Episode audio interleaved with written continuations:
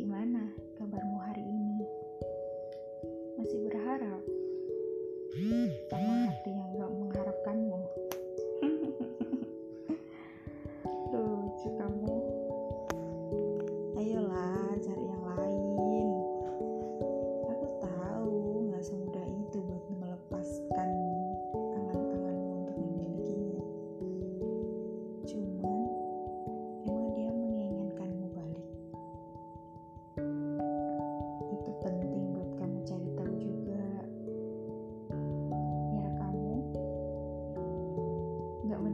ini sendiri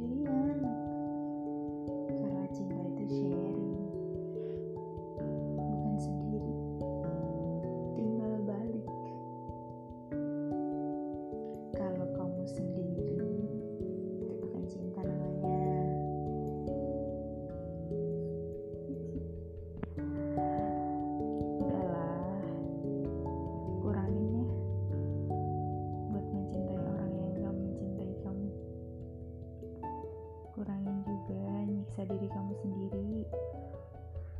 Jiwa raga batin pikiran kamu itu perlu bahagia juga. Jangan egois dong.